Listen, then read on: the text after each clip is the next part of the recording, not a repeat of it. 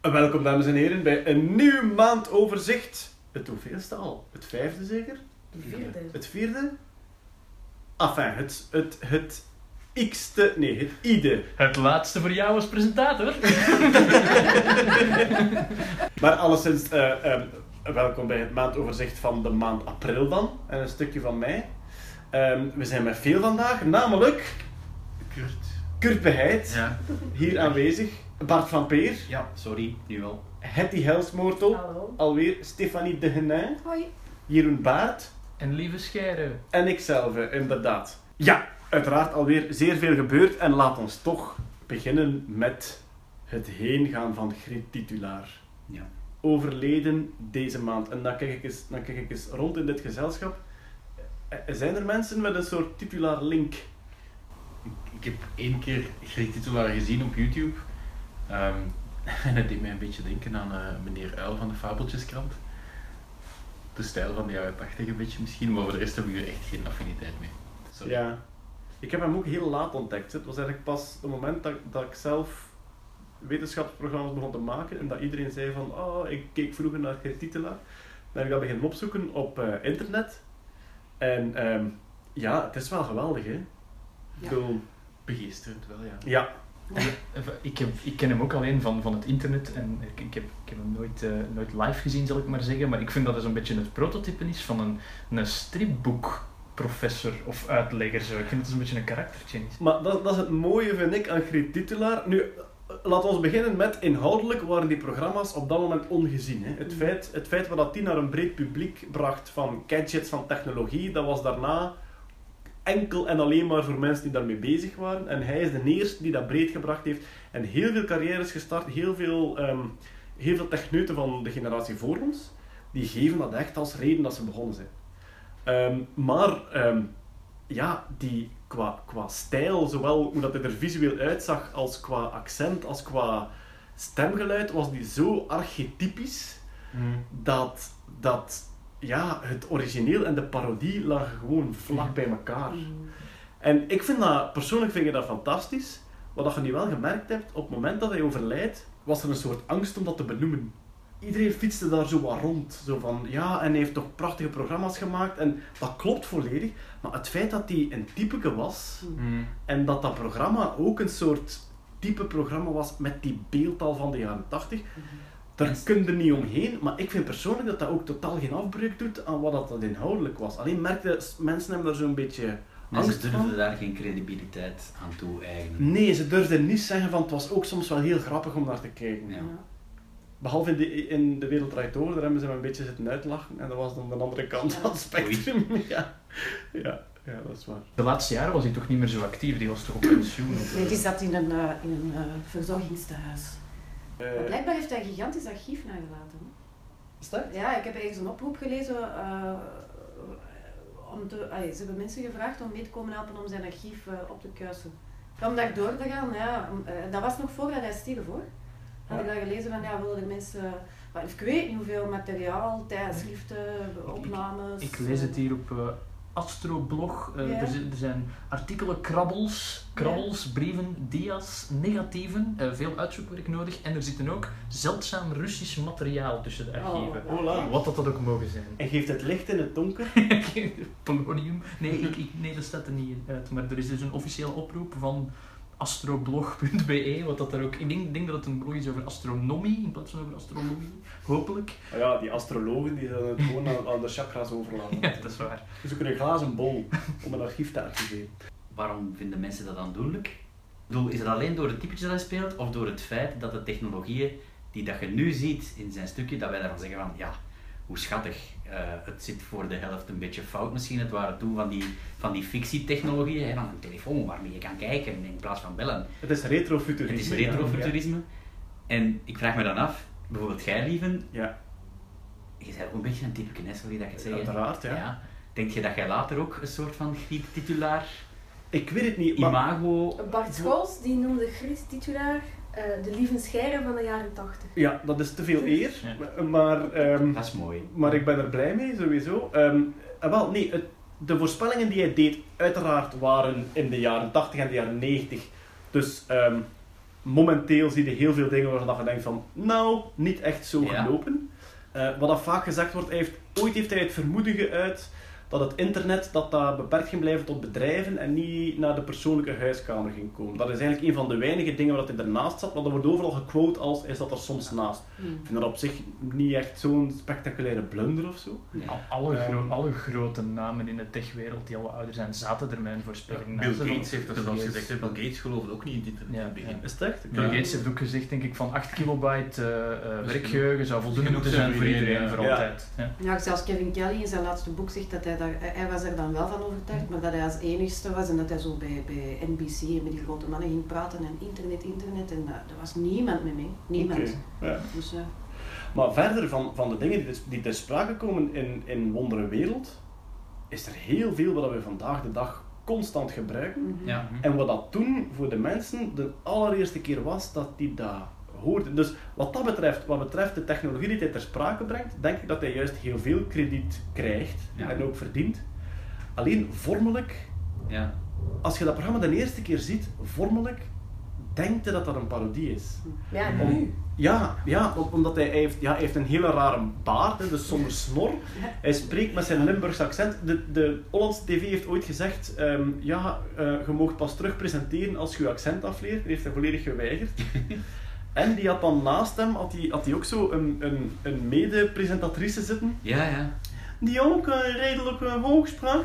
En eigenlijk Het is een soort van ethisch versie van Barbara Dex, vind ik. maar als je, als je Arjan Ederveen een wetenschapsprogramma zou laten maken, zou het er vormelijk uitzien als Wondere Wereld. Alleen was dat inhoudelijk een heel sterk programma. En dat moet je echt een keer doen. Je moet zo'n keer een volledige aflevering bekijken. Ja. Normaal is tv uit die tijd heel traag. En dat is echt het een achter het ander. Dat is gewoon bumperke. eh, hier is dit uitgevonden, het werkt zo en zo en zo. Bumperke. Hier is dat uitgevonden, misschien gaan we in de toekomst dat doen. Bumperke. Even Maar in de met een studio, soort van, met een soort van zel- vanzelfsprekende, of een vanzelfsprekend ervan uitgaan. De mensen snappen wel wat ik zeg. Terwijl het waarschijnlijk iets te snel ging, toch? Nee, nee, Nee? Zijn, taal is, zijn taal is heel... Nee, maar conceptueel, bedoel, het, hetgeen dat hij benoemt, of hetgeen dat hij... Was dat niet te moeilijk voor vele mensen toen? Ik weet het niet, ik heb die indruk niet. Ah. Ik heb die indruk niet. Ja, nee, het schoon is vooral, en dat zit bij Lieve, ah, je- bij- zit bij ook een beetje, is dat de, dat de verwondering zit er wel heel hard in. En dat is gewoon het inspirerende, vind ik gewoon. Hij kijkt, en je kunt dan zeggen dat het een typeken is of niet, maar hij kijkt gewoon en hij opent en hij zegt van kijk eens hoe cool dit is Ja. en je hebt dit nodig en dit gaat de toekomst veranderen. En hij geloofde er op een manier ook keihard in en dat vind ik zo kei mooi. Tegen alle CDC en dergelijke meer vind ik dat dat een beetje te weinig gebeurt momenteel. Ja. Het is eigenlijk de eerste nerd op tv, toch? De eerste on ongegeneerde nerd. Ja, Vlaams. denk ik. Het probleem met Lieve gaat zijn is dat ze filmpjes van Lieve gaan terugvinden waarin het om foute voorspellingen doen over wetenschap en filmpjes van ja, Willis en Mariette of weet ik veel wat, dat hem in vrouwenkleren aan een schulper terug staat erover. In, memo in memoriam gaat er een beetje anders uitzien dan die titulaar, denk dat is ik. Ja, veel wat... Scheire, genie of niet? Als af en- af en toe zeggen, Veel van wat hij deed leek echt een sketch te zijn. nee, ja, maar ehm, ik heb nog een mail gestuurd naar, naar Diederik Jekel ook. ehm, om, om gewoon ehm, wat dat er momenteel voorhanden is van gadgets en nieuwe uitvindingen, is een veelvoud van wat Titulaar in de tijd ter beschikking had. En toch bestaat dat soort magazine, een soort snelle opeenvolging van kijk, dat bestaat, dat bestaat, dat bestaat, dat bestaat. Dat bestaat nu niet meer. En ik heb nog gepijst, eigenlijk zouden we gewoon als tribute één aflevering Wondere Wereld moeten maken, dag van vandaag. Ja. Zon- zonder parodie, zonder gelijk wat. Gewoon hetzelfde tempo. Zelfde grafiek, hetzelfde bumpertjes en dat hetzelfde tempo met, Alright, met ja. gadgets en uitvindingen van nu. Ja, het, internet doet het een beetje. Hè. Maar dat is het, ja, Ja. Dat, dat soort publiek kijkt niet meer naar lineair Nee. tv. Goed, maar dus, Griet Titulaar, kijk, eh, wat kunnen we erover zeggen? Niet veel, ga gewoon op het internet en zoek op Wondere Wereld. En kijk daar gerust een paar afleveringen van uit, want ik vind dat zeer veelzeggend. Zowel het feit dat het toen bestond, als... Het is een teletijdmachine, hè. Zoveel dat, zoveel dat die demonstreert, Mhm. waarvan dat je denkt van, maar ja, dat Ja. is zo alledaags geworden. Ja. Ja. De datafoon, daar sprak hij ook van. Er komt een moment Oh, dat de computer en de telefoon, dat dat één geworden is. Dat in uw telefoon ook data beschikbaar zal zijn en dat je misschien zelfs elkaar zal kunnen zien. Dat zit in een aflevering, de datafoon. Ik heb nog een Dataphone 4. Dat is wel plat. Hij is plat ook. Oké, ja. maar nu moeten we wel allemaal zo ons, eh, e-mail handtekening aan, eh, veranderen in verzonden vanaf mijn datafoon. Dat zou, Yes. dat zou toch een prachtige tribute zijn? Ja, ja, Ja. verzonden Ja. van mijn datafoon Bij 7. deze een oproep aan iedereen. Ja, Ja, let's voilà. do it. Dat, Oké, dat, is on- dat is onze tribute aan. Ja. We veranderen het in Verander uw signature ja, in verzonden van mijn iPhone, of van verzonden van mijn iPhone naar verzonden van mijn... verzonden van mijn datafoon. datafoon. Bon, Greet Titulaar. We gaan over naar, eh, ik denk, eh, het meest in het oog springende, visueel dan, het meest in het oog springende wetenschapsnieuws van de voorbije maand was toch de kunstmatige baarmoeder. Yes. Zo futuristisch, echt een soort doorzichtige zak waarin een eh, lam dat veel te vroeg geboren was, allee, ja, het zal een experiment zijn, dus waarschijnlijk veel te vroeg uit de moeder gesneden, Ja. denk ik dan. Ja. Een lammeke in, in kunstmatig vruchtwater, dus met ook vruchtwater in de longen en met ehm, een bloedtoevoer van buitenaf en dus echt meerdere weken in leven houden. Maar visueel is het, weet je wat, neem je computer erbij en zoek het gewoon op, want je Ja. hebt dat beeld er een beetje bij nodig. Het is echt, ja, gelijk dat ze het in Brave New World beschrijven, hè, zo levens Hatching and conditioning center. levensfabriekje. Maar vooral dat in een embryo spartelt in zo'n soort compleet artificiële omgeving, dat vind ik heel Ja, de futuristisch. Matrix, hè. Ja. Ja, ja, mij deed het denken aan die zakken uit de Matrix, Ja. die batterijen. Als, als Neo de eerste keer wakker wordt en Ja. zijn, zijn, zijn, zijn, ja, zijn plugs uittrekt en kijkt van, Ja. oh shit, ik ben een batterij. Ja.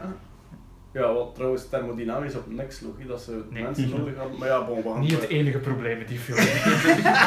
dat gaan we een andere keer doen. Vandaag hebben we wetenschappers verzameld om film X de grond in te boren. Het is ook een genre op zich natuurlijk. Ja. Dat is geen code, hè, op die, hoe kunnen zo programmeren op zo'n Matrix scherm? Er is wel een heerlijke site die alle code in films oplijst, dus met screenshots en dan zegt van waar het komt. Dus dat, van Ja. waar het de art directors dat gehaald hebben, en dan zijn artikels zo, ja, boeken of, eh, of iets, of, of, een, of een stom programma, dat is ergens, eh, dat is wel, is wel een toffe site. Windmine. Ik zal, ik zal het even In opzoeken. de Matrix is de broncode van Nmap, van de Linux utility. Ja? Ja. En, en, en, en er is ook een site die zo van porno, pornofilms, wat dat er daar wiskundig op een bord staat, analyseert. Zo meestal in zo'n scenario's van uh, Ah, ja, Ik, doet... ik, ik eh, kijk de porno voor de wiskunde. Absoluut, absoluut, absoluut. Ja, ja. Zwart, maar we zijn aan het, af, we zijn aan het, af- we zijn aan het afdwalen van de vruchtzak. Sorry, de vruchtzak.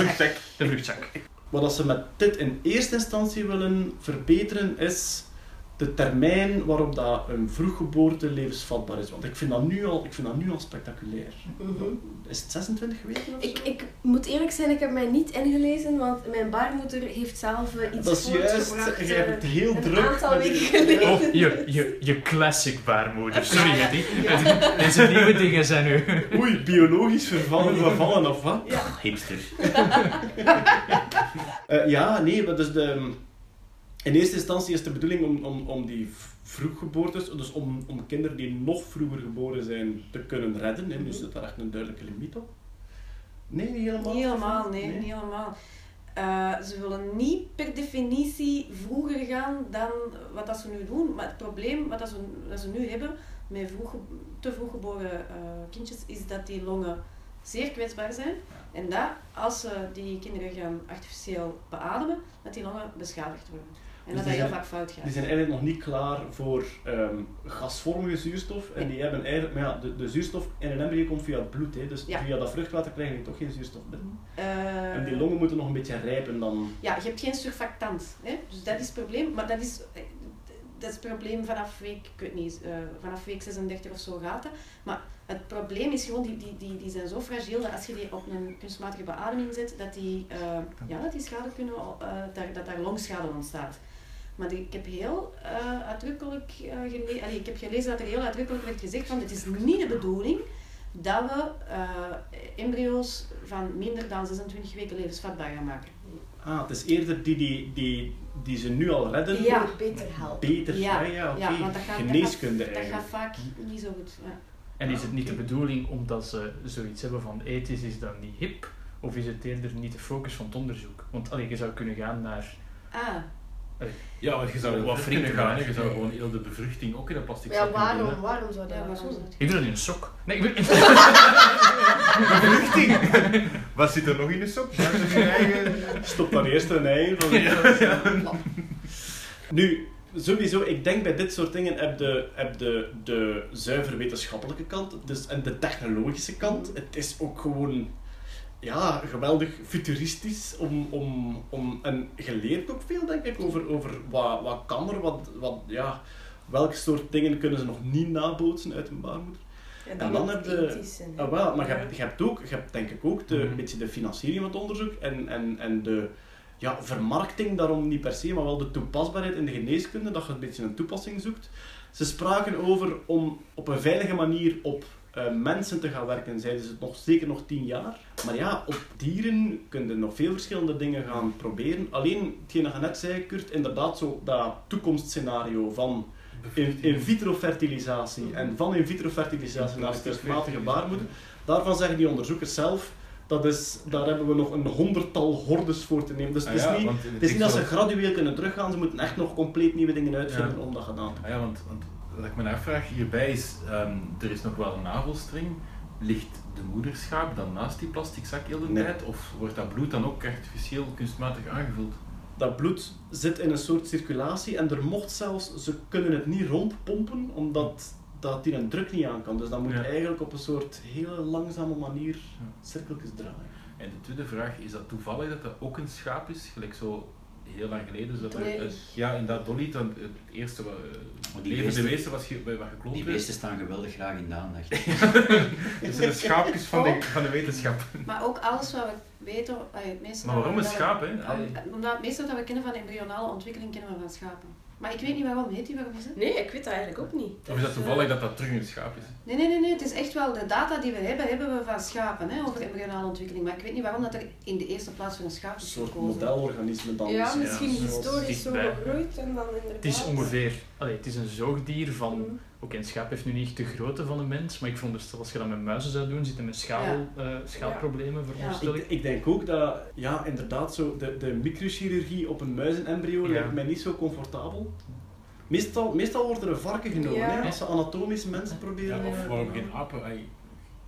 Apen, ah, maar kijk, ik zijn denk dat je daar wel met een ethisch... zijn wat duurder, ja. Ik denk dat je ook met een ethisch Ja. probleem zit. Allee, geen in- ethisch probleem, maar een soort... Een soort Moreel. ja, is een ja, ja, een het is iets emotioneler dan, Ja. denk ik.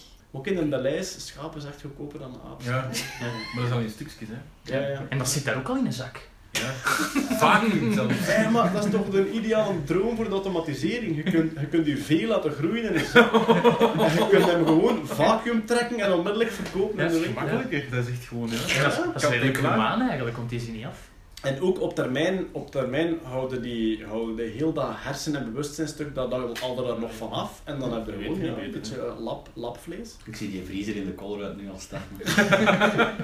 Goed, dus de, de kunstmatige eh, baarmoeder zag er prachtig uit. En ja, ja, nog veel onderzoek nodig, zeggen de onderzoekers zelf. Maar ik vind het wel spectaculair wat ze nu al kunnen. Hè, en wat, ze nu al, wat ze nu al laten zien. Volgende onderwerp. Eh, de NASA heeft eh, officiële Marsplannen bekendgemaakt. Nu, er ging natuurlijk al zeer veel de ronde over de Marsplannen van de NASA. Maar nu is er toch zo'n soort officieel communiqué geweest. Ik geloof dat Trump zelfs echt letterlijk de vraag gesteld had van... ehm, Hoe zit het? zeggen ze dat het naar Mars gaat? Mhm. Ik weet niet of dat, dat ook zo wat prestige is, want Bush heeft dat ook gedaan. Hè. Bush heeft ook zo de officiële opdracht gegeven aan NASA van jullie moeten naar Mars. En ik vraag me af, is dat dan om, zo, om later zo de man te kunnen zijn die zegt van ah, ik heb de opdracht gegeven? Ja, Dat lijkt een reliquie uit een strijd die destijds alleen maar gevoerd is omwille van, omwille van de race tegen de Russen. Zo. Ja. De enige, Ja, ja. Ik heb onlangs eh, Neil deGrasse Tyson een, een interview Ja. zien geven en die beweerde, en dat klopt dan wel redelijk correct, want dat is een heel slimme man, ja, dat de enige reden waarom dat we daar geraakt zijn, de race met de Russen was. Ja, natuurlijk, maar dat is ook En, omdat de, en dat de Amerikanen eigenlijk heel die geschiedenis daar rond en de perceptie daarvan een beetje omgebogen hebben naar... eh, kijk, wij hebben dat gewonnen, want we waren de eerste op de maan, terwijl dat de Russen de eerste in de ruimte waren.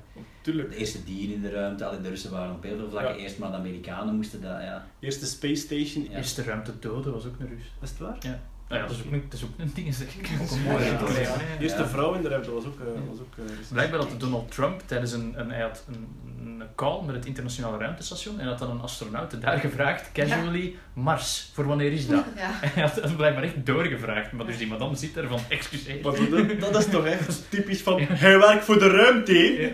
Eh, Zag, zou ik naar Ja. Mars kunnen gaan? Ja, ik denk dat zij dat zelfs heeft geantwoord van ja, dat hangt een beetje van u af. Ja, inderdaad. Maar ja, we moeten toch eerst terug naar de maan geraken, denk ik dan. Ja, ah, wel, dus een tussenstap. eh, de, ze, ze spreken van vijf fases. Eh, fase 1 is... ehm, Ontkenning. eh, Wel, we, zitten, we, zitten nu, we zitten nu officieel in fase 0. Ja. En fase 0 zijn voorbereidende experimenten in het ISS die nu al aan het gebeuren zijn. Fase 1 begint volgend jaar en fase 1 is ehm, eh, SLS, dus Space Launch System, wat de lang verwachte opvolger van de Space Shuttle is. De, de Space Shuttle is eigenlijk stopgezet omdat hij niet rendabel was, maar ook omdat je met een Space Shuttle is echt gebouwd voor low Earth orbits. Om dicht bij de aarde te blijven en je kunt daar niets mee als het gaat over Marsreizen, maanreizen enzovoort. En daarom hebben- wilden ze af van heel die kost daarvan. En is alles gestopt in de developing van Space Launch System. En dat zou dus een gigantische booster van, alleen een gigantische blafte van een raket moeten zijn, die dan wel deep space missies kan doen. Dus die testen zouden, zouden zelfs die testlanceringen zouden volgend jaar beginnen. Daarna willen ze effectief deep space missies. Ze willen inderdaad naar de maan. En dan in de volgende fases, dan wordt het helemaal tof. Dus de opvolger van TSS zou ehm, niet rond de aarde, maar rond de maan draaien. Dus ze willen eigenlijk echt een bemand ruimtestation rond de maan. En dan willen ze beginnen aan de transportunit, eigenlijk net zoals in de film The Martian, of de, het boek The Martian. Waar dat je ook eigenlijk een soort gigantische module hebt die gewoon heen en weer gaat tussen de aarde en Mars, maar die nooit naar beneden komt. Die gewoon, wat logisch is ook. Die altijd in de ruimte blijft hangen en die heen en weer gaat tussen de twee. En die willen ze dan gaan bouwen. En dan willen ze eerst een eh, langdurige bemande missie in dat ruimtetuig als het nog in de buurt van de aarde blijft. Zodat dat je eigenlijk escape eh, mogelijkheden hebt. En als dat goed gaat, en dat zou 2033 al zijn volgens plan A, zouden ze in 2033 heel dat spel naar Mars laten vliegen en laten terugkomen. En dan zijn ze twee of drie jaar weg. Maar ey, het is allemaal tof, al die plannen. Wat ik niet snap is, in 69 zijn ze op de maan geland. Ja, Waarom kunnen we dat nu niet meer? we kunnen dat wel. Het is- het is- maar- Ja, maar kunnen waarom dat doen we dat niet meer? Ah, wel, maar het is net, dat was ook wat, wat de Niel zei. Waarom? De Neil. Ja. Waarom? Waarom zouden we dat nu doen? Om, om, door onze wil om te ontdekken, dat is nooit een drijvend mechanisme geweest Ja, dat maar- geldstromen in, in, in beweging gebracht heeft. Maar zelfs op zich was dat niet de meest complexe raket en niet de meest complexe qua code. Als je nu 40, 50 jaar later heb je toch gigantisch veel meer resources om. ja, Allee, dat is toch gewoon Ja. peanuts bij wijze van Maar we spreken. willen, we willen niet meer. Er is geen reden. Ik Er is wel. geen reden. Ja, maar Ja. oké, begin maar- maar te tellen. Ja. Wij hebben ook... allee, wij zijn sowieso van de generatie die dat niet meegemaakt hebben. Ja, Die voilà. laatste, die laatste maanlandingen werden zelfs niet meer uitgezonden op tv. Hè. De laatste maanlandingen werden niet meer uitgezonden op tv en die astronauten werden niet meer ontvangen in het Witte Huis en die waren daar zelf kwaad over. En wanneer was dat? Jaren 70. Eh, ja, ja, inderdaad, jaren 70. En dus er was echt om het duur iets van, ja, ja, ja oké, je, je- je hebt ook op de maan gestaan, maar een paar maanden terug ook al iemand. en Jezus, we hebben stop met erover te babbelen. Effectief, we hebben het ongeveer al gezien. En dat was echt een teneur bij die laatste maanmissies, waardoor dat daar volledig ja, stopgezet is. Je kunt er ook weinig aan doen op de maan, buiten zeggen, ik ben hier. Want qua stenen meepakken hadden ze alles ongeveer wel gedaan. Plus, we kunnen het niet meer filmen, want Stanley Kubrick is dood. Oh, wacht. we, gaan, we gaan die studio opkuisen en we gaan daar rood zand leggen. De kun je mas- dat, gewoon met een Instagram, je kunt dat met een Instagram Ja, dat is met een doen. Al die tenniscourts, al dat roodbaksteen dan eraf. Nee, maar ja, de, dus de reden, de reden dat we toch terug naar de maan gaan, er zijn twee redenen waarom dat we waarschijnlijk binnen de komende tien jaar iemand op de maan gaan zien. De twee redenen zijn ten eerste omdat we naar Mars willen, en omdat dat een logische tussenstap is. En ten tweede dat je opkomende economieën hebben die eigenlijk willen laten zien, wij kunnen dat ook. En dat is dan vooral India en China. Die zouden heel graag iemand op de maan zetten om, wat dus alweer, het belangrijkste dat je kunt doen op de maan is, zie, ik ben tot hier geraakt. Nee, nee, nee. En nee, dat hadden ze bij de Amerikanen ongeveer wel gehad. En ja, Want de reden dat ze tussenstap de maan zouden maken is... Allee, je zou misschien geneigd zijn om te denken van... Ah ja, de maan is stap 1 en dan Mars de volgende. Het is niet omdat dat gelijk halverwege is naar Mars of zo. En, eh, ik, Ah, wel, ik ah, was onlangs met iemand aan het praten die dacht van... Ja, als we op de maan zijn, dan zijn we er toch bijna? Ja, nee. Dat is Dus zeven en uh, ja, over drie uur. En wel, dat is, natuurlijk, dat, is natuurlijk, dat is natuurlijk dubbel. Want sowieso in afstand is dat onwaarschijnlijk, dat verschil. Maar ehm, technologisch zitten met een lancering en Mhm. met een orbit rond een ander hemellichaam en met een landing. En wat dat betreft is het verschil tussen de missies groot. Ja. maar niet zo groot als de verhouding afstand, omdat ehm, zweven door deep space is gemakkelijk. Is keer als je... Wat, zwe- zweven door deep space is een tijdsrisico. Er kan Ja. altijd om de zoveel tijd iets misgaan. Maar lanceren en landen, dat zijn Mm. gigantische technische risico's. hè. Ja, plus ik denk, de maan heeft toch een minder grote aantrekkingskracht dan de aarde, dus opstijgen van de maan is een beetje gemakkelijker. Dus je zou de maan als tussenstation kunnen gebruiken. Ah, wel, maar Of is dat verkeerd van mij om te denken? Ah, wel, nee, niet, niet zozeer als tussenstation. De bedoeling is dat, dat, heel, dat heel dat ruimteschip in de ruimte gebouwd wordt, zoals die ISS. Ah, ja. Dus dat, dat ding waarmee ze naar Mars vliegen, Ja. wordt niet gelanceerd van op de aarde. De crew wordt gelanceerd van op de aarde en gaat dan via een module overstappen in een ding, een soort ruimtestation dat al in de ruimte hing. Hm. En dan moet dat met gigantisch veel energie versneld worden richting Mars. Ik vraag me af wie dat dus zo die loser gaat zijn, die dat als ze op Mars landen, zo de eerste crew dat er landt, die loser dat zo in de, de orbit eh dinges moet blijven. Ah, ja. boven moet blijven. Zijn, zijn nu? naam ontsnapt me al te ver. Ja. Apollo 11. Maar dat, dat hoort bij het concept dat je die altijd vergeet. Ja. Dat je Neil Armstrong Oh. kent iedereen, dan Ja. Buzz Buzz Aldrin. Aldrin ook. Dan, Buzz Aldrin, de wetenschapsliefhebbers kennen Ja. Buzz Aldrin ook. Michael Dan Collins. Michael Collins. Iedereen vergeet hem al. Ik vraag me af wie dat er de Michael Collins op Mars gaat zijn. Michael Dan is Collins. dan is hij super lang in die raket. dan zegt die gast die dat... ja, je hebt- je hebt echt zo opnames dat ze zo, ze staan beneden en van oh we got out and we're on the moon and it's so bad you're not with us, zeggen ze letterlijk. En dan zegt hij Oh, dat is oh, ik vind het fantastisch om eh, in de orbit te zijn, maar heel de wereld zat te kijken naar die uitzending. Wie had er geen tv? Michael Collins. Dat is een van de weinige mensen die die eerste stap niet in beeld gezien Ja. heeft live. Ja. Leeft die mensen nog? Ik ben, het, ik ben Eh, aan het zoeken. Hè. Ja, wel even. weten? Dat we Want- met denken. Want er is, zo, er is zoiets gek met, met Hij leeft nog. maanastronauten die doodvallen de hele tijd. Hè? Huh? Ja, er zijn redelijk wat maanastronauten die, die, eh, Uh-oh. die overleven. Conspiracy theory. Ja, of gewoon straling, weet ik veel. Ja, maar ja. Maar Als- Collins leeft nog. Ja, hij leeft nog. ik vind dat we naar Mars moeten en dat hij weer is. Nee, deze keer, deze keer nooit deze. Hij kan dat goed! Goed, eh, ja, dus dat is eh, de Marsmissie in 2033. Ik denk dat ze dat niet gaan halen. Wat je ook natuurlijk hebt bij Amerika, dat is om, ja, om de zoveel tijd hebben een nieuwe president. Ehm, eh, Ja. Trump zou het graag nog tijdens zijn eigen presidentschap zien, maar ja, bon. eh, ja, maar hij heeft wel al een funding voor wetenschap uh, geschrapt. Dus misschien Ja, ik weet het, maar Dat was, ook, dat was ook het officiële antwoord van NASA na dat gesprek van Trump met die astronauten. Van eh, ja, dat gaat niet lukken met het geld dat we nu hebben. En dan heeft Trump gezegd van ja, we gaan het proberen tijdens mijn eerste term, maar anders zal het tijdens mijn tweede term moeten. hè. Zo van, het dat komt, is zijn eerste? ja, zijn, zijn, zijn eerste term ziet hem het zitten.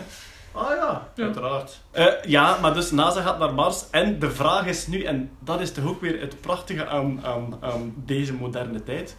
Ehm, NASA zit nu in een space race met privébedrijven. Mhm. Dus de vraag is nu echt of dat NASA eerst op Mars gaat zijn of SpaceX en zelfs Ja. Boeing. Zelfs Maar- Boeing bouwt aan. Wat is juist de samenwerking tussen die twee? Want SpaceX lanceert ook vaak van op Cape Canaveral. Oh, wel, kijk, SpaceX is een privébedrijf en de NASA betaalt die om ehm, goederen te lanceren. En denk dat ze lanceren nu ook satellieten voor privébedrijven, dat is allemaal betaald. En zij gebruiken publieke infra... Ja, publiek, tussen grote aanhalingstekens. Zij gebruiken NASA-infrastructuur om die lanceringen te doen. Ehm, maar het verschil zou dus zijn, NASA die een eigen missie maakt. Het SLS-systeem is volledig van de NASA, dus het raketsysteem van de NASA. SpaceX heeft zijn eigen raketsystemen. Als zij erin slagen om met hun raketsystemen in een eigen privé-missie eerst op Mars te zijn, dan hebben zij gewonnen. Als de NASA zegt, wij gaan het eerst doen, ofwel met een eigen raket, misschien zegt de NASA op een bepaald moment van, we gaan het eerst doen, maar wel met jullie raket, je weet het niet. Ja, dat lijkt me het logischste niet. Misschien, Ja, De, NASA gebruikt SpaceX eigenlijk momenteel als. Postbedrijf. Dat is Ja. maar af- Ja. absoluut, ja, als, Ja. als logistiek. Dat is ruimte. Zou je dan jaloers zijn, jaloers zijn op die postbode, zijn, zijn fiets, zijn auto? Dat is zo van, Ik denk het "Doe maar, wel. Ik dit pakje wordt wel." gebeleefd. Ja, dat is de Deliveroo voor NASA eigenlijk. Ja, en dat brengt ons bij het volgende onderwerp. Ehm, eh, onze goede vriend Chef Bezos van Amazon eh, wil graag ehm, een delivery-dienst naar de maan. Dus toch de maan interessant ineens dan. Ah, wel, dus hij rekent erop van, oké, je, gaat daar, je gaat daar dat ruimtestation hebben, enzovoort, enzovoort. En hij wil, natuurlijk, hij heeft daar slim gemarket, omdat het merk Amazon hangt dan plotseling aan, Ama- ah ja, overal in het nieuws werd dat Amazon wil Ja. leveren aan de maan, maar eigenlijk is dat gewoon wat SpaceX doet. namelijk Ja. goederen naar TSS voeren, wil ik ook doen naar de maan. Want ja, Jeff Bezos is zo'n beetje de vlees geworden. Ik wil ook doen wat Elon Musk doet natuurlijk. Hè. hij, hij gaat ook investeren in Hyperloop, trouwens. Normaal. En dat is helemaal al, Ja. dat is helemaal al alles wat bij Elon Musk van tafel valt. Dat is echt zo de kruimeltjes van, van, van Tesla en Musk. Ja, daar lijkt het op. Dat, dat, wordt, dat was zo wat de poppenkast van eh Jeff Bezos die zo achter Elon Musk aanhinkelt en zegt: Ik ook doen, ik ook doen. great too. Hey, mag ik ook mee basketbal spelen? Het is een beetje dat. Ik wil dat wel. Maar Zo goed. De, de speelplaats tussen degene van het- zo het vijfde en het zesde middelbaar en die van het eerste en tweede middelbaar. Ja, ja, inderdaad, dat. Mag mee voetbal? Eh, nee, gaat dan maar aan de, lijn, aan de zijlijn staan. En dan rolt er toevallig een bal weg en hij schopt die weg en dan gaan naar de maat. Kijk, voetbal met die van de zesdes. dat is eigenlijk, ja. Een voorzet gegeven.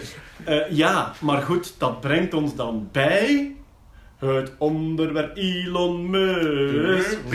Heeft hij al een eigen jingle nu? Dus dat is zijn ego nog niet groot genoeg. Heeft hij nog niet zijn eigen parfum? Dat vraag ik. Ja hoor. Elon Musk, the new fragrance. Dus eh, het maandelijkse Elon Musk nieuws. En we hebben bij ons natuurlijk in the left corner Kurt Beheint, grote Elon Musk believer. In the right corner Jeroen Baert, Musk skepsis. Tum, tum, tum. Dus wat hebben we? Ja, het meest in het oog springende. Elon Musk. En ik gooi het gewoon als een soort gouden appel in het midden tussen jullie twee.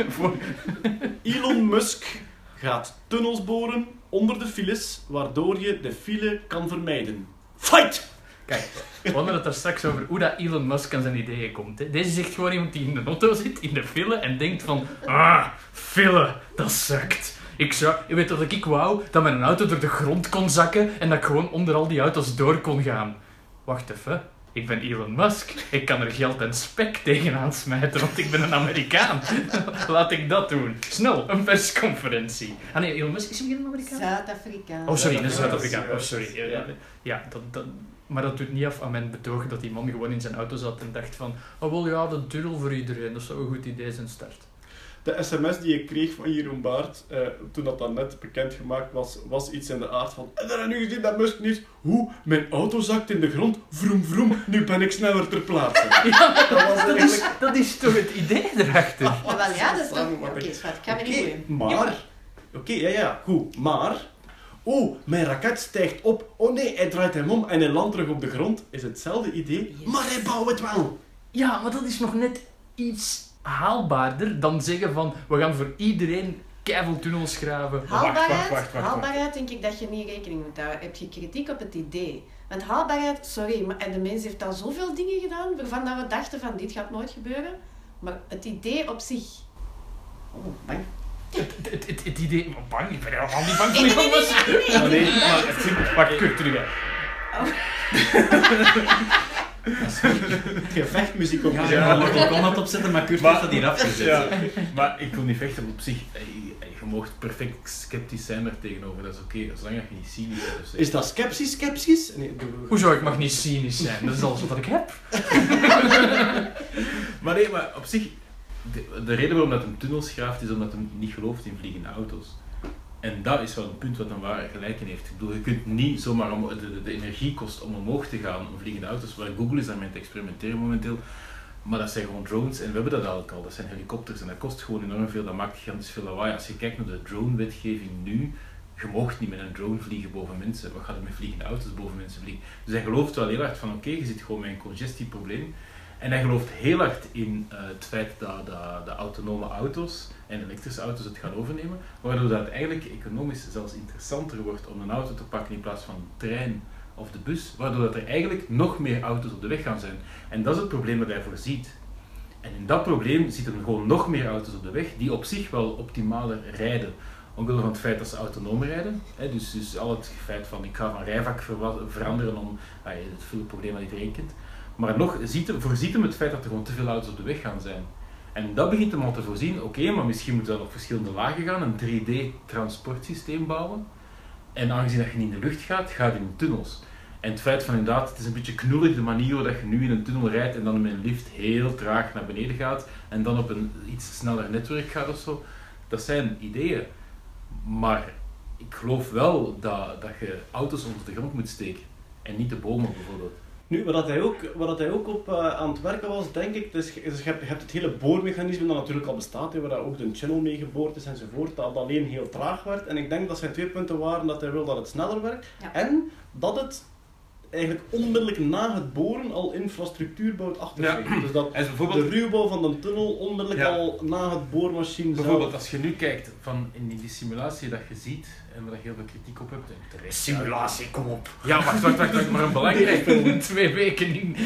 Ja, een Ja. beetje in, in, in 3D-studio's maken. Maar een belangrijk principe daarin is, is dat je niet als auto zelf rijdt, maar dat je Nee, als auto op een platform komt. Waardoor, en dat heeft hem heel erg met die efficiëntie in, in verband met boren te maken, is als je een tunnel boort, moet je rekening houden met de verschillende groottes van auto's. Je moet rekening houden met veiligheidsstroken, je moet rekening houden met hulpdiensten en zoiets. Waarom? Omdat je ervan uitgaat dat mensen zelf met hun eigen auto rijden. Als je dat probleem wegpakt en je zet auto's op een platform, dan kun je efficiënter boren, want je moet minder breed. Je moet maar een keer de TED-talk, eh, die dat hem zeven dagen geleden of zoiets gedaan heeft, een keer bekijken. Daar legt hem dat heel hard in uit. Je kunt efficiënter boren als je een gestandaardiseerde breedte van je auto's hebt. Waardoor dat je sneller kunt boren, waardoor dat je sneller infrastructuur, dat je gestandaardiseerde infrastructuur. En daarover gaat vooral zijn idee. Van, vergeet het dat mensen gewoon met hun eigen auto's blijven rijden, maar je geeft eigenlijk het feit dat je je eigen auto hebt op door het feit dat je op een platform gaat, waardoor je efficiënter kunt boren, waardoor je meer effectiever je fileprobleem kunt gaan oplossen. Maar En de kostprijs per mijl boren. zit de limiet van effectiviteit niet als je dat verder blijft uitwerken? Al die auto's apart op een track, al die auto's achter elkaar op een track, al die auto's dichter bij elkaar, dichter bij, dicht bij elkaar, je hebt een wagon. Ja, maar de wagon, het probleem, het wagon is verliest heel veel tijd met op- en in- en uitstappen.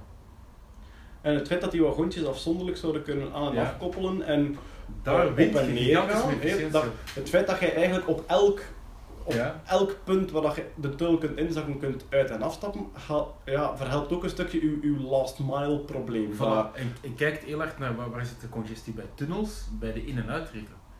Snap? Het is altijd op een moment dat je op een, op een bepaalde infrastructuur of een bepaalde transportmodus overstapt, daar zit het probleem. Om een keer in de spits een trein te proberen te pakken, op het perron, daar zit het probleem.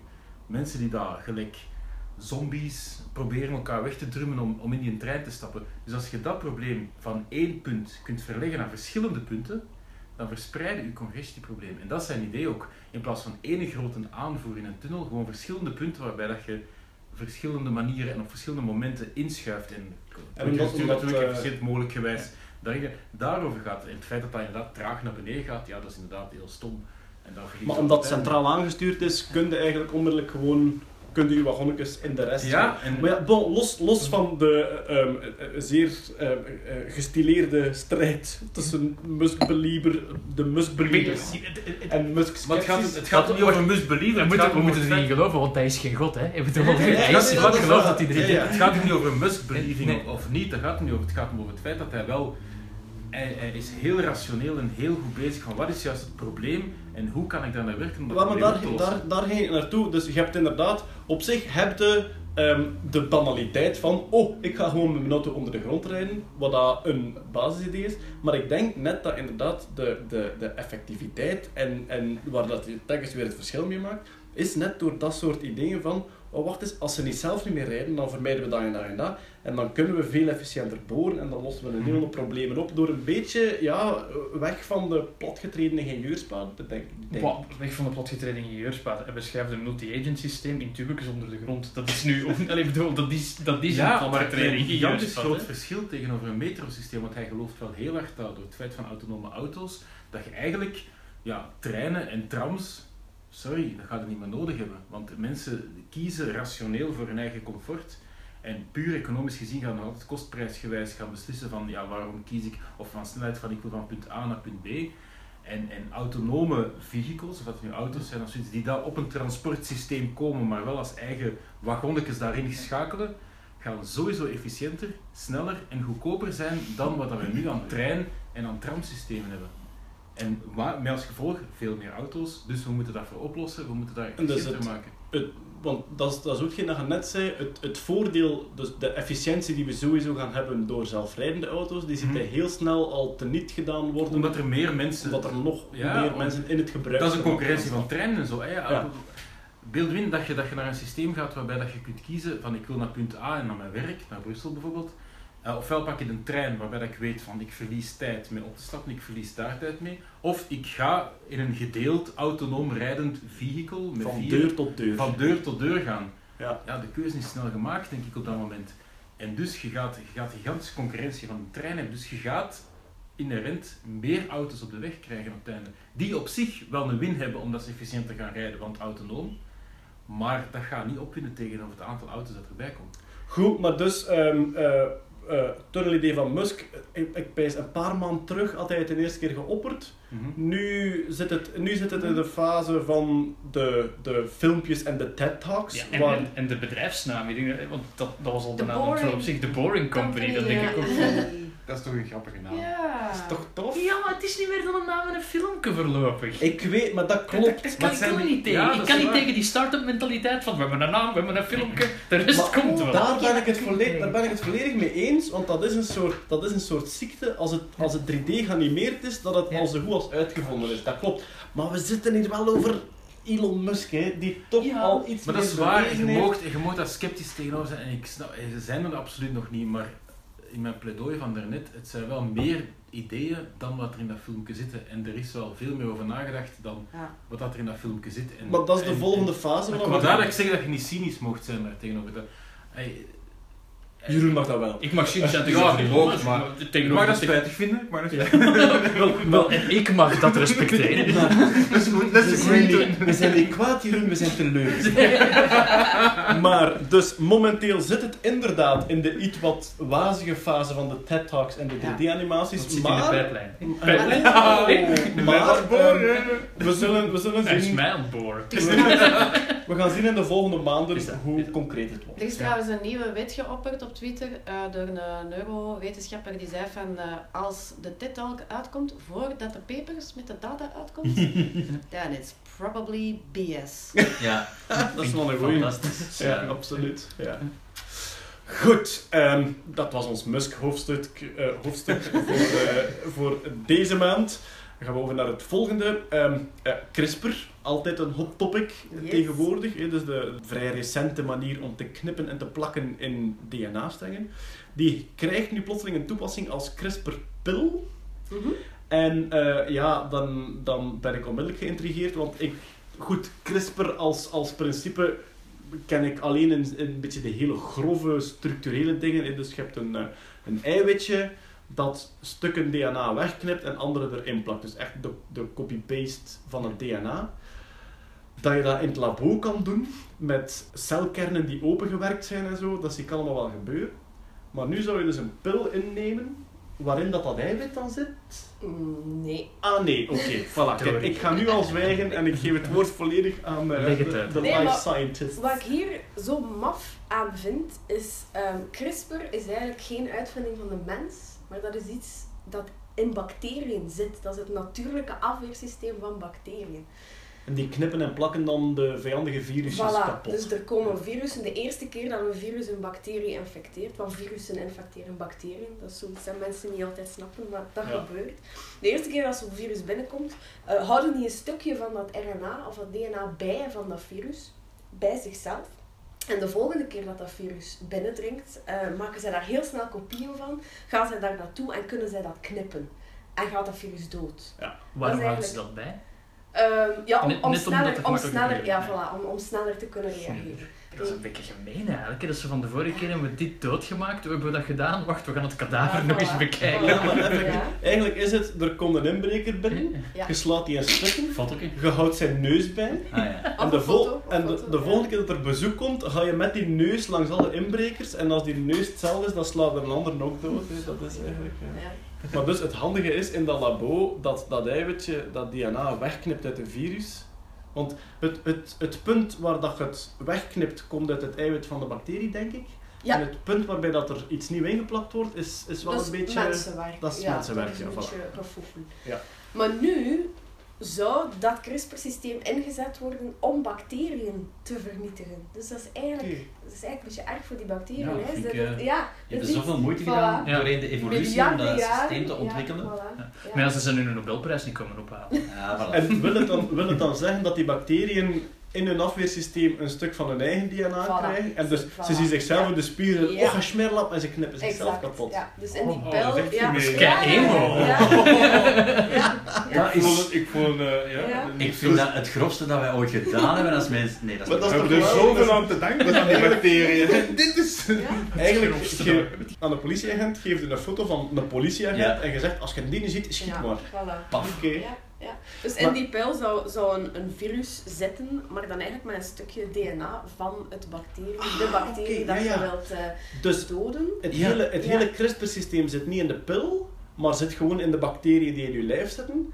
En jij geeft hen virussen, waardoor Oh ja. dat je hun eigen CRISPR-systeem Ja. aanzet tegen Om zichzelf. zichzelf, ja. Dit is zo het einde van een film ja. waarin, dat, waarin dat er iemand zo in de spiegel kijkt en zegt van it turns out to kill her all the time. Ja, het is, It was me! het is inderdaad zo Maar dat wat, Zien jullie ook allemaal Keanu Reeves nu? het is, het is echt zo wat Me- Memento en The Usual Suspects in één zo. Ja. Dat, dat, dat die bacterie echt zo aan het zoeken is naar wie is dat hier? Ja. Dan aan een spiegel belandt, vijf keer schiet op zichzelf en dan denkt, wat hebben ze gedaan? Maar alle gekheid op een stokje, jongens. eh, er is een, een groot probleem van, eh, van antibioticumresistentie. Ja.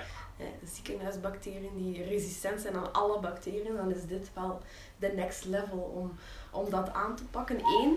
En twee, eh, antibiotica, eh, de huidige antibiotica, die, die doden ook de goede bacteriën. Ja, inderdaad. Ja. En hier kun je heel gericht zeggen, ik neem, die een- voilà, ik neem dat DNA dat alleen in die bacterie zit, knal, we gaan alleen zorgen dat die zelfmoord pleegt. En als de bacterie muteert, heb je eigenlijk gewoon Kun je een- heel een snel, voilà, nodig. Ja. voilà, ja. Wauw zeg! En zeggen, hebben ze daar al, want ik heb gelezen dat ze het op Clodistrium difficile Ja, of zoiets ze hebben zijn- dat is getest. zo'n darm, nee, ze, daar, daar zijn ze mee bezig. Ze hebben het getest op, op eh, huid, huidbacteriën. Ah, En ja. daar is het eh, blijkbaar gelukt. Om, eh, Maar ze hebben het nog niet bijvoorbeeld op de, op de fameuze MRSA. Ze zijn bezig. Ah, ze zijn bezig. Ik denk dat dat... Also, ja, ik denk 2015, 16, 17, 18, dat is zo de CRISPR-periode. Ik denk Ja. dat we, als we later terugkijken, dat dat wel heel veel veranderd gaat hebben. Ah, maar, maar ik heb nu een, een, een, een lezing over DNA die ik aan het testen ben. En op het einde heb ik het dan even over CRISPR. En ik krijg daar allemaal... Dat logisch, dat is zoiets sensationeel dat Ja. daar allemaal vragen Ja. Ik krijg heel veel vragen uit het publiek waar dat ik compleet niet op kan antwoorden, Mhm. als ze heel specialistisch zijn. Mhm. Maar het gaat er vooral over eh, hoe toepasbaar dat, dat is buiten het labo. Hè. Dat was mijn grote vraag bij die pil en nu heb ik een heel duidelijk antwoord, Ja, namelijk... Zeer toepasbaar. Ja, oké, maar je gebruikt geen CRISPR-techniek in die pil, je gebruikt het CRISPR-systeem van die bacteriën. Ja.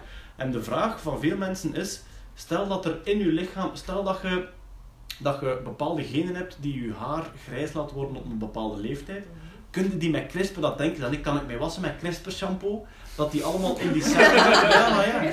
En dat, dat is de vraag die de mensen hebben. Kan ik het DNA dat in mijn cellen zit als ik al uitgegroeid en levend ben, kan ik dat nog veranderen met een CRISPR-techniek? Of moet, moet dat echt op de allereerste eicel gebeuren, bij het allereerste cel? Ja, nee, bij kanker bijvoorbeeld worden er T-cellen uit het bloed gehaald. Hè, de T-cellen Ja. van het immuunsysteem. Die worden met CRISPR in het labo aangepast, zodanig dat die de tumor kunnen herkennen en aanvallen. Ja. Die worden vermenigvuldigd, terug ingespoten en die gaan dan op zoek naar die tumor en die vallen dat aan. Dat zijn ook cellen die al uitgegroeid Hoe, ver- zijn. hoe ver staat het daar al mee? Nee, dat is, dat is gelukt. Dat is gelukt. Heeft een ja. tumor ander... Nou, dat gaat een heel domme vraag zijn. Heeft Nee, een nee. tumor, tumor ander DNA? De tumor is gemuteerd. Ja, is gemuteerd. Ah, ja. ja. En dikwijls zitten er op het oppervlak van zo'n tumor en op het celoppervlak eiwitten die, die gezonde cellen niet hebben. Ah, ja. Ehm, waardoor dat je heel gericht eh, Ja. kunt. En zou je dan, zou je dan kunnen ehm, een CRISPR africhten om te zeggen, oh, bijvoorbeeld iemand heeft kanker, haalt, haalt een stuk, haalt een, een stuk cellen uit een tumor, je kijkt waar dat de mutatie zit, Ja.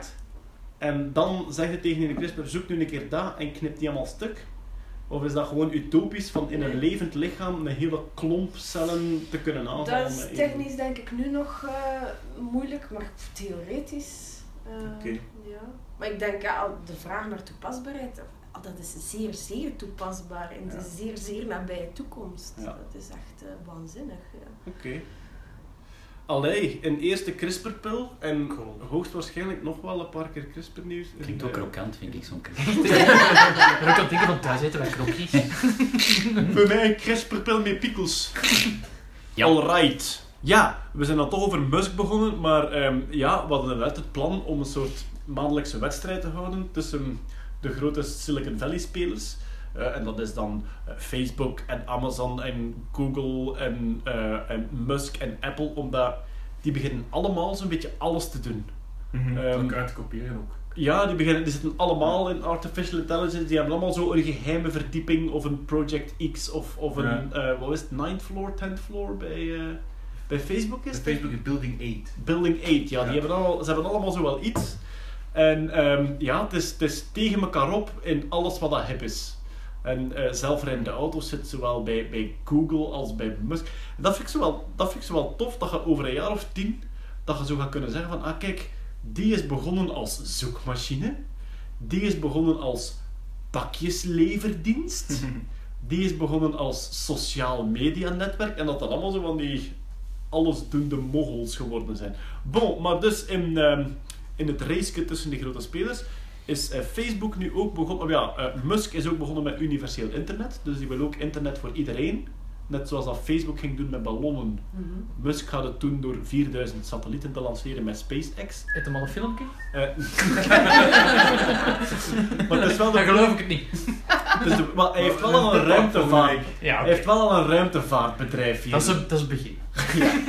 En natuurlijk, hij heeft wel funding nodig van de, van de overheid, want hij, hij plant het niet zelf te betalen. Ehm, goed. Eh, en eh, ja, Facebook wou dan ballon de lucht. Ik moet zeggen, als je het hebt over sceptisch, ik had dan nu wel bij, oeh, internet voor iedereen, we gaan gewoon wifi-routers aan een ballon hangen en opladen. ik had dat bij dat een Ja, beetje. Maar goed, daar kan ook meer achter zitten dan, dan we vermoeden. Ehm, en Facebook begint nu ook eh, onderzoek te doen naar de brain-computer interface die Musk met Neuralink opgestart had en waar we het vorige keer over hadden. Hè, omdat Jan Rabai, de, de Belgische ingenieur die in Silicon Valley woont, daar mee grondlegger van was en is nog steeds. Ehm, maar jij hebt er naar gekeken, zeker? Ja, sowieso. Het is, is heel vaag. Ik denk dat het inderdaad heel erg in de nasleep is in de competitie van om de eerste te willen zijn of de, of de beste te willen zijn. En Musk lanceert dat, dus Facebook moet dat ook. Ehm, het is zo in heel dat Building 8 verhaal, zo, ja, zo een beetje zo de, de, de, de, geheime onderzoekscel van Facebook. Maar ehm, op zich, het is heel vaag.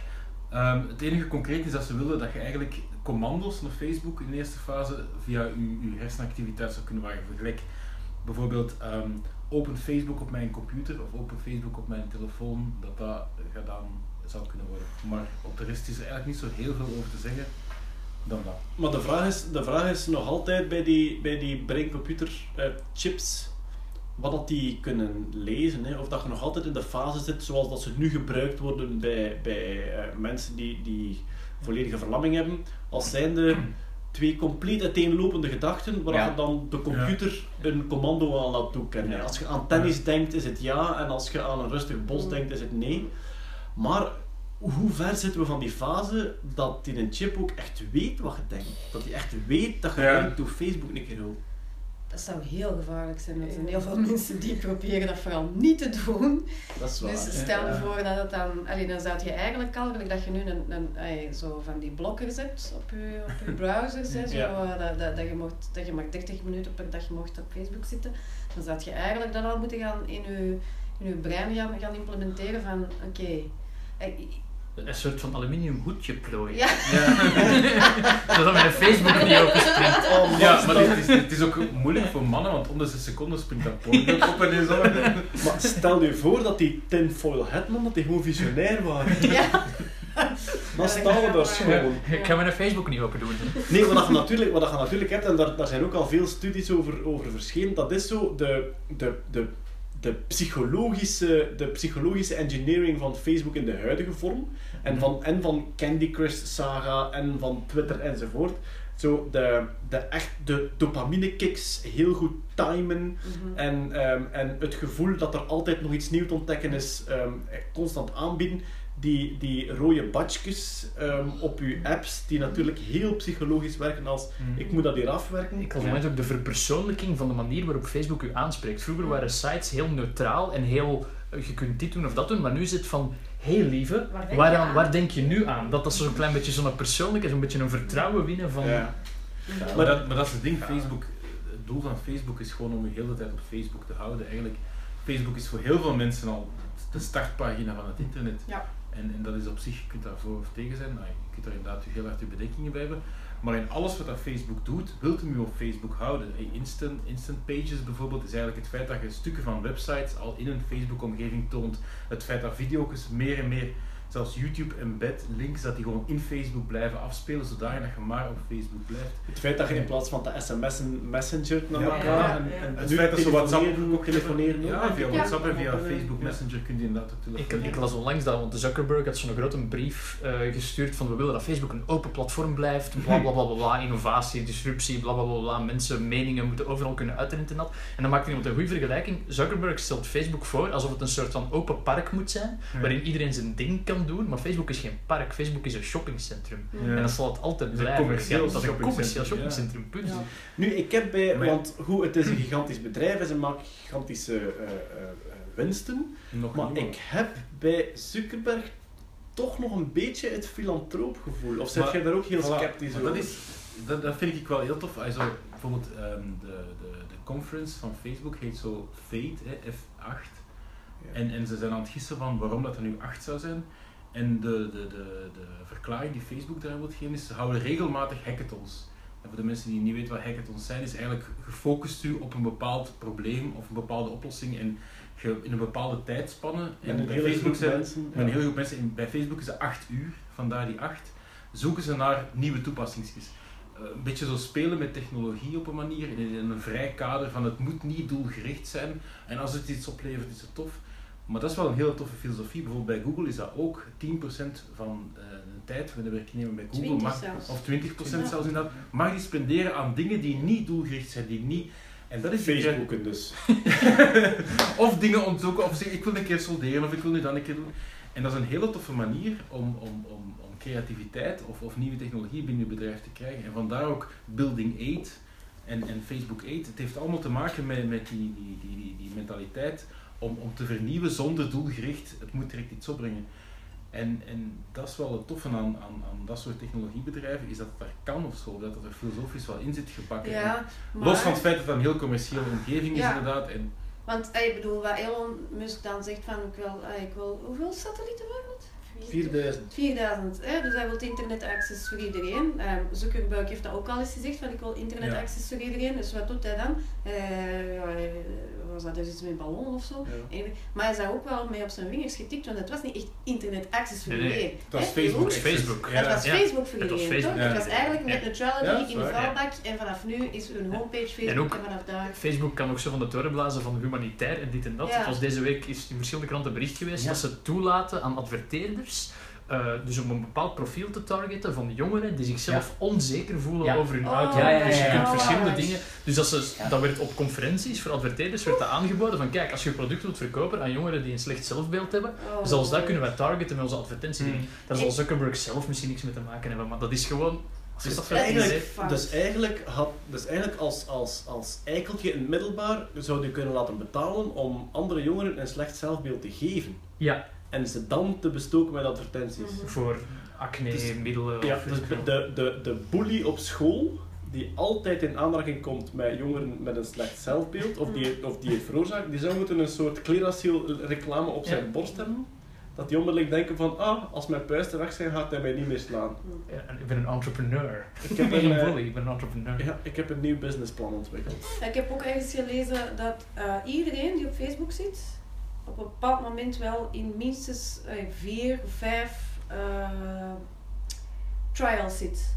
Een soort psychologische trials. Ah, ja, dat is, Ja. maar ja, dat, maar het is wel een beetje verontrustend om te weten. Het is verontrustend om te weten dat je op dit moment, als je op Facebook zit, dat je ergens in een experiment bent beland. En dat je het niet weet. En dat je het niet weet, dat je er geen toestemming Ja. op hebt gegeven, dat je niet weet wat er met jou gebeurt. ethisch is dat dubieus. Dat is, dat is Ja. Het is, het is interessant, het is interessant, maar het is Ja. ethisch dubieus. Maar, maar juridisch gezien is het waarschijnlijk perfect oké, want niemand leest die Voilà. gigantische terms of service en het is in orde. Ja, en je hebt waarschijnlijk wel toestemming wel gegeven. ook, Ah, hè. ja. Ja, maar, maar, maar niet alleen dat. Het, Het doet mij ook denken, een- er is eh, deze maand een film uitgekomen met Oprah Winfrey over Ja. Henrietta Lacks. Dat je dus blijkbaar, als jij lichaamsmateriaal afstaat in een ziekenhuis, als Ja.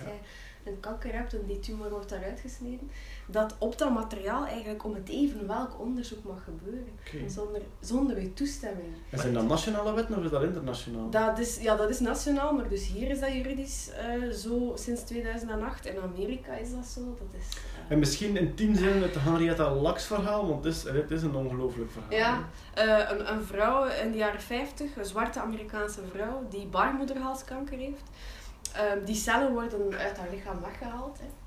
Ze sterft heel jong, op, op 31-jarige leeftijd. Maar die cellen bleken de eerste, de allereerste onsterfelijke menselijke cellen te zijn. Die dus blijven Die delen. blijven delen in het labo. Daar hebben ze gigantisch veel eh, experimenten mee gedaan en heel veel medische toepassingen zijn daaruit gekomen. Die zijn in de atoombom ontploft, die zijn in de ruimte geweest, die cellen, om te zien wat de invloed van straling is enzovoort. Maar die vrouw heeft dat dus nooit geweten en ook die familie heeft dat nooit geweten. Die familie komt daarachter, 20, 25 jaar later.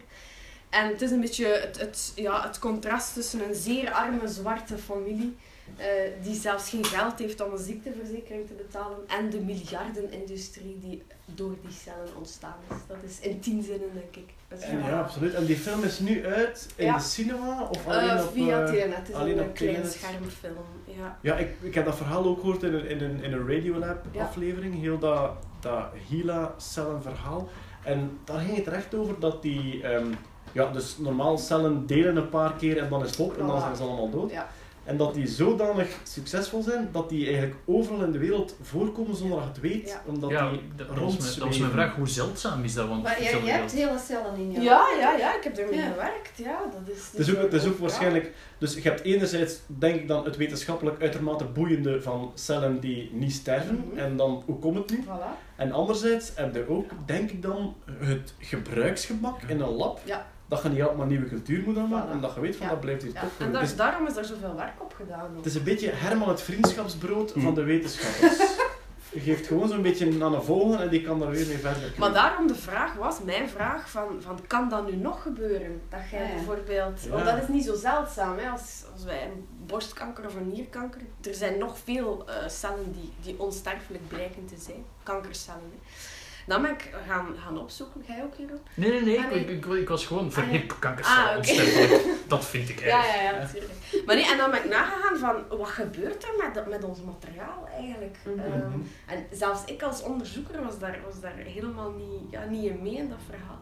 Ehm, ja, dus het blijkt dat er, dat er op heel veel van ons, op bewust en onbewust eh, experimenten Dus als er biopsieën gebeuren, Ja. dan mag dat eigenlijk daarna in een practicum met studenten gebruikt worden, in een onderzoek gebruikt worden. Er zijn ook ethische comité's die daar natuurlijk over, over waken, maar een ethisch comité is geen rechtsgeldig. eh. Voor een, voor, een, een, eh, voor een anatomische les met studenten moet je wel toestemming geven om je lichaam af te staan. Ja, er zijn, ja, er zijn en, en eigenlijk alles wat, wat een bewust experiment is, als je het op voorhand weet, dan moet er toestemming gevraagd worden aan een patiënt.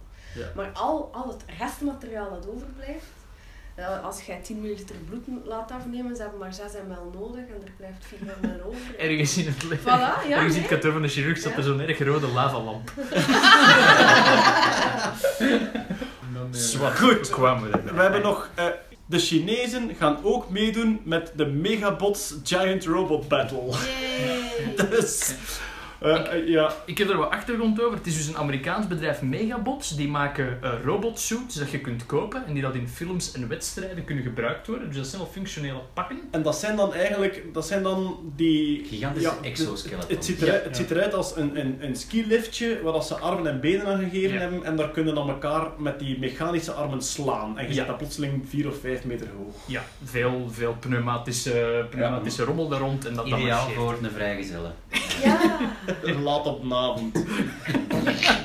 En er is, er is nu dus een, een Chinees bedrijf eh, met de naam Monkey King, wat ik al een super naam vind voor een bedrijf. Monkey King. Leert daar iets van Elon Musk, Boring Company, Monkey King. Ik weet op wie ik geld ga zetten. En dus die willen dat de Amerikaanse bedrijf, ik denk als een soort van wederzijdse reclamestunt, eh, bevechten met hun eigen robot. Een robot duel to the death.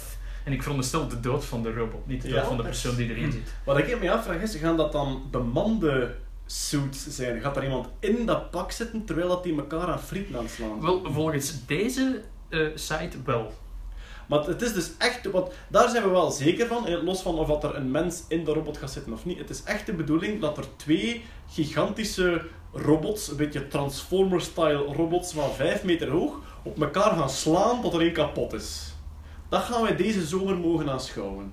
Ja, Oké. dat is de bedoeling. Cool. En er, staat, er is een aparte, een aparte clausule. Er, het gaat door als kan eh, gegarandeerd worden dat de mensen die in de robot zitten er ongeharmed uitkomen. Dus ze zullen in een soort van...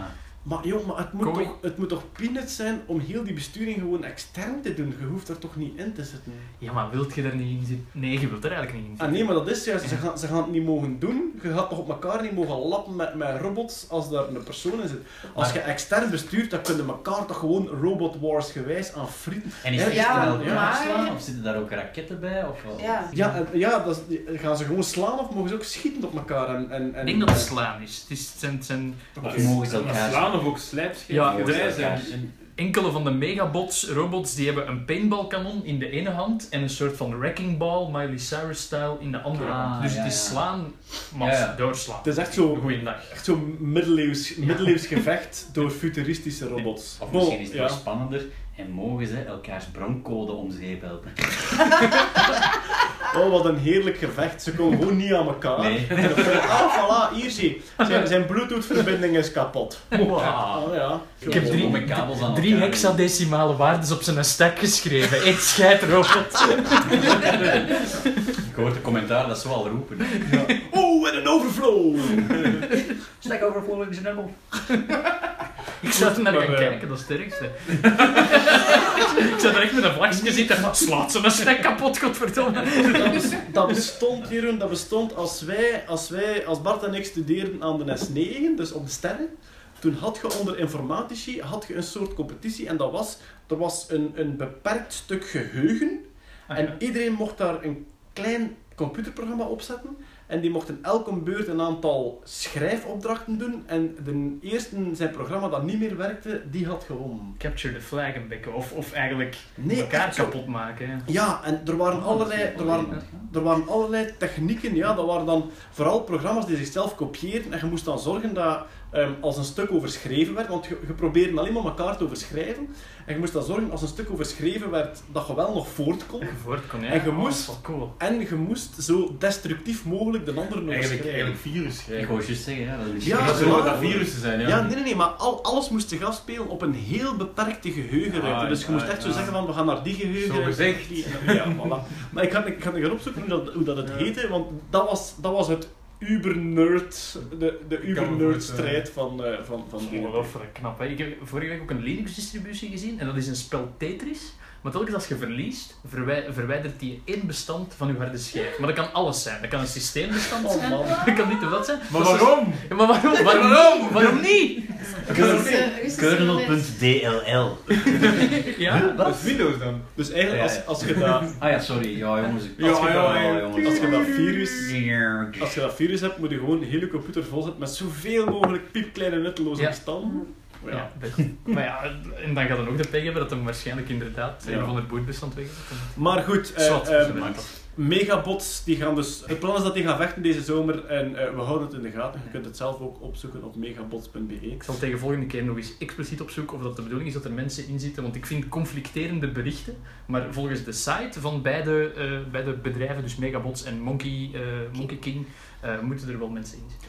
Ja, maar gaat, gaat dat niet typisch... Want ze, hebben- ze hebben dat nu duidelijk gelanceerd als een soort marketing stunt. Ja, voor beide bedrijven. het is fantastisch nieuws en de beide bedrijven varen daar wel bij en die produceren die robots. Mhm. En ik denk dat naarmate dat het dichter komt, dat ze dan zowel ofwel chicken out, ofwel de spelregels aanpassen dat het een beetje doenbaar wordt. Maar opnieuw, dat is wel een drijfveer die ervoor zorgt dat gebeurt. Tuurlijk. Ja. Net zo, dus, dus heel die is- commerce zou in de, in die in de hele Lunar Race opnieuw Ja. een nieuwe drijfveer. Maar dat is wat de Robocup doet, hè. Het, het WK voetbal voor robots is ook dat. Hè. Dat is Ja. echt zo, je hebt, je hebt een, plotseling een drijfveer.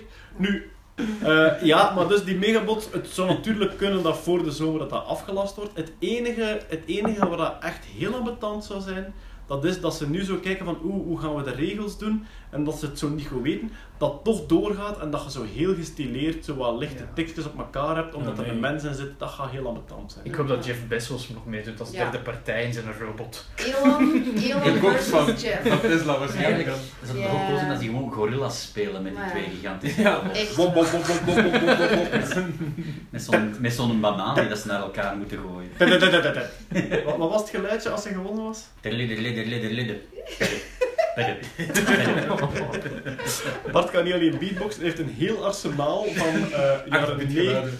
jaren 90 computerspelletjes. Die, we, we, gaan die, we gaan die ooit een keer opnemen als YouTube-filmpjes, want meestal doet hij de, de bewegingen van de gorilla ook. Van de, voor de mensen die niet mee zijn, Visual Basic was dat, hè? Ja, ja. De Visual Basic gorilla spel die bananen aan elkaar gooien. Ja, Tut. en dan ontploft het bij impact. hè. En was Hoe gaat, hoe gaat de ontploffing precies?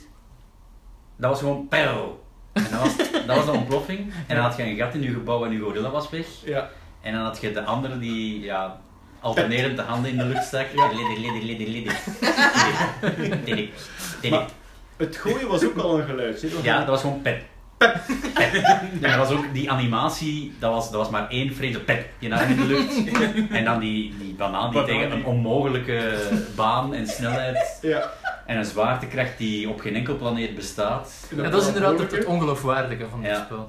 Maar je kreeg dat wel, je kreeg dat wel elke keer mee. Hè. Dus je kreeg een nieuw scherm en je kreeg te zien hoe groot de zwaartekracht was. Je kreeg een windrichting Ja. aan de hand van de grootte van de pijl en de zin. En dan moest je uw kracht... Uw En dan moest je de speed velocity en de speed. eh, En dan ja. was dat effectief een paraboleke. ja. Goed! Dat was weer een hele boterham. Nou zeg. Eh, hartelijk dank aan de aanwezigen. Eh, ja, we hebben, we hebben weer, alweer nog maar een fractie van het eh, maandelijkse wetenschapsnieuws bekeken. En er komt weer een hele nieuwe maand aan, zeg. Dus volgende maand kunnen we gewoon zeggen van... Wauw, die eerste tunnel van Elon Musk, hij ligt er al en hij werkt. of nee, sorry, het was een 3D-filmpje.